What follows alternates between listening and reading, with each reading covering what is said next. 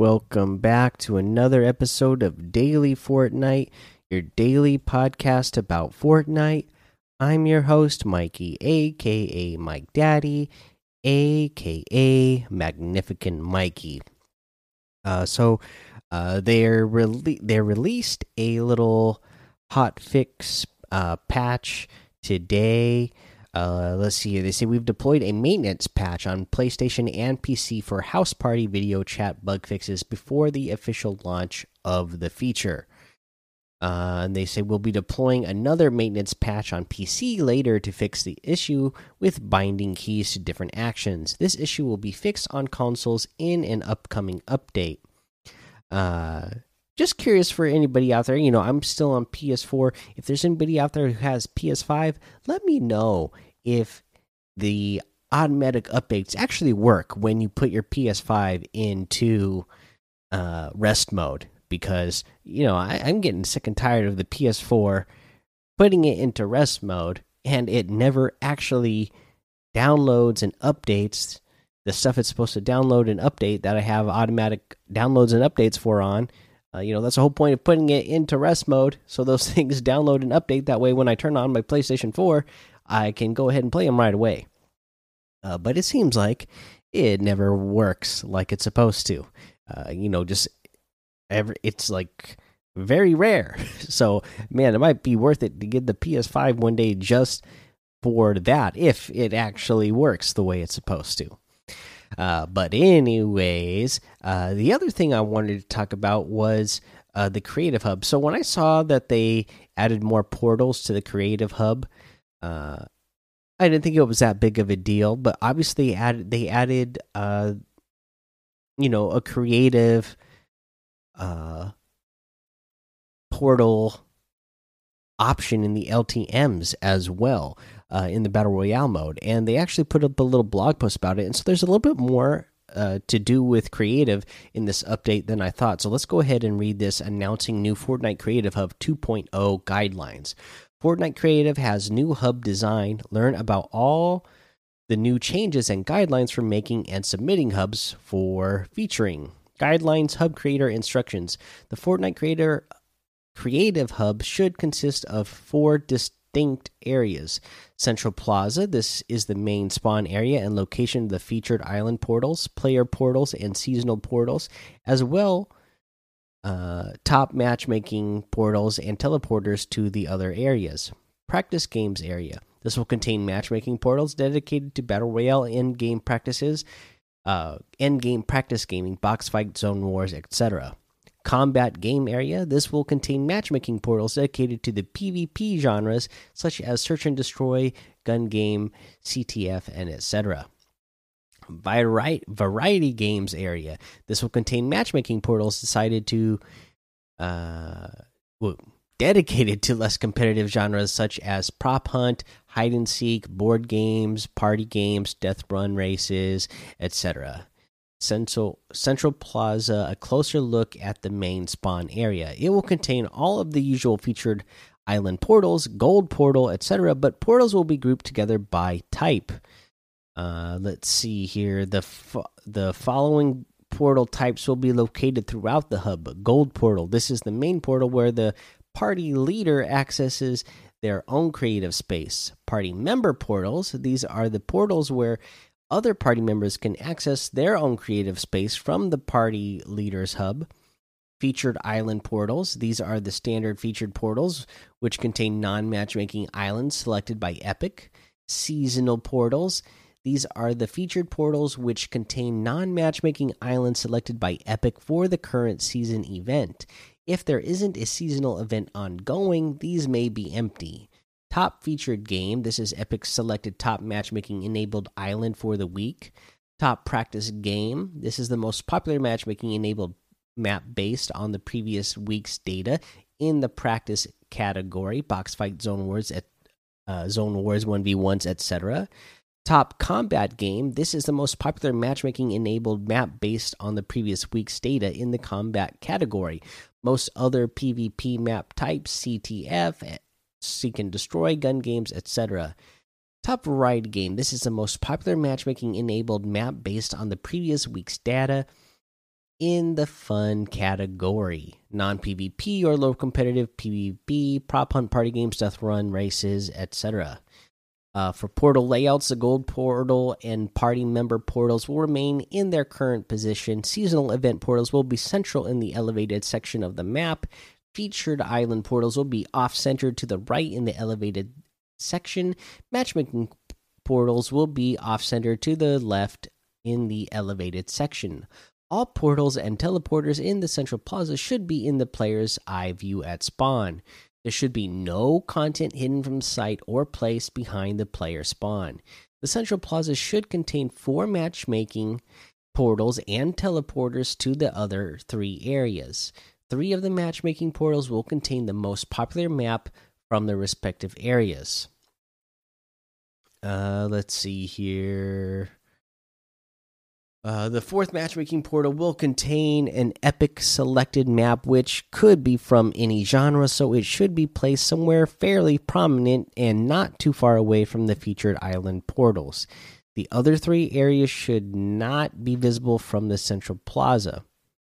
Uh, let's see here. Game areas. Game areas should be fairly compact and all the portals they contain should be easily visible and accessible. Each area should be clearly labeled with its name somewhere in the space. Each area should contain eight matchmaking portals, group three, three, and two. One group of three will contain most popular maps from the genres covered by that area. This group should be labeled most popular. The portal should be labeled one through three so players know the order of the ranking for each map. Uh, one group of three will contain the fastest growing maps from the genres covered by that area. This group should be labeled fastest growing. Uh, the group of two will contain epic selected maps from the genres covered by that area. This group should be labeled featured. Each area should have a clearly labeled teleporter back to the central plaza, arriving in the spawn area as though the player had just spawned in. Optionally, you can include clearly labeled teleporters to the other two areas as well. So there's a lot in there uh, just about making a creative hub if you want to make a creative hub and get it featured. But uh, there was a lot more information in there as well uh, about the creative hub portals that, uh, you know, when I saw that they said that they were going to add more portals, I just thought, okay, so you're going to add more portals in. I guess that's great. Then I have more places to put in codes. But I actually like the way they're, uh, you know, laying it out here, and that um, they will have a place that you can go. You know, instead of having to go look it up or wait for them to put out their blog post every month of what was the most popular uh, maps from the previous month because it always comes like a month and a half later when it, when they when they put those things out. Uh, you know you can go in there and and see live in the game yourself what was most popular the previous week and check those out and get to pl play on those and practice in those yourself. So I think that's really cool uh, the way they uh, are continuing to update the way that the creative and the creative hub uh, works. Uh, let's see here. Um, well, uh, my like I said, of course, my PlayStation didn't update my Fortnite as it was supposed to. And I know there's new XP extravaganza challenges out today, so be aware of that. But this is taking forever. Okay. And I have no idea. You know, I've been recording this episode as of right now for what? Almost 10 minutes already. And this thing is like not even halfway done. So We'll go over what the new XP extravaganza extravaganza uh, challenges are tomorrow. Uh, for now, let's just go ahead and take a break. All right, now let's go over today's item shop. And again, because my PlayStation's not done uh, updating this new very small patch update. Like I said, so it, it actually already downloaded. It's actually just been copying the file over and installing it this entire time, and it is taking forever. Anyway, since that's still going on, I'm just going to look at uh, what it has in Discord here. So we still have all that Marvel stuff still here, so get those. Uh, you have the daily stuff, which is the Sclaxus outfit for 1,500, the Business Hips emote for 500, the Sakin emote for 200, the Showstopper emote for 500, the Boss Battle music for 200, the Swamp Stalker outfit for 800. We also have the Magic Wings back bling for one, or Magic Wings glider for 1,200. The Pterodactyl glider for 1,200. The Castor outfit for 1,500. The Elmira outfit for 1,500. The Clutch outfit for 1,800. Bite Mark for 1,200. Out West emote for 500. Sunrise uh, glider for 800. The Bronto outfit for 1,200 the Mesmer outfit for 1200, the Sunbird outfit for 1200, the Axe Tech harvesting tool for 800, the Spellslinger harvesting tool for 800, and the Buckets emote for 200, the Flex on him emote for 200, and the Crystal outfit for 800. You can get any and all of these items using code MikeDaddy M M M I K E D A D D Y in the item shop, and some of the proceeds will go to help support the show. Okay, so for our tip of the day, uh, you know, we had that Venom Cup, uh, and we don't have Venom in the item shop yet, but we got Venom's powers in the game. And you know what? That thing can be really good. So uh, before I never thought it was that great of a power because uh, before they just had it in the Marvel LTM, uh, the Marvel Knockout LTM, right? And you, you're using those powers, uh, and they, you know, bring people really close to you. Uh, the power that you, you know, shoot your symbiote suit out and grab the person and then pull them towards you. Uh, it's okay, right? It seems like a decent move, but everybody else has powers in the Marvel Knockout LTM, right? So you don't ever really think about the fact that oh, this could be something you use potentially to eliminate people with fall damage.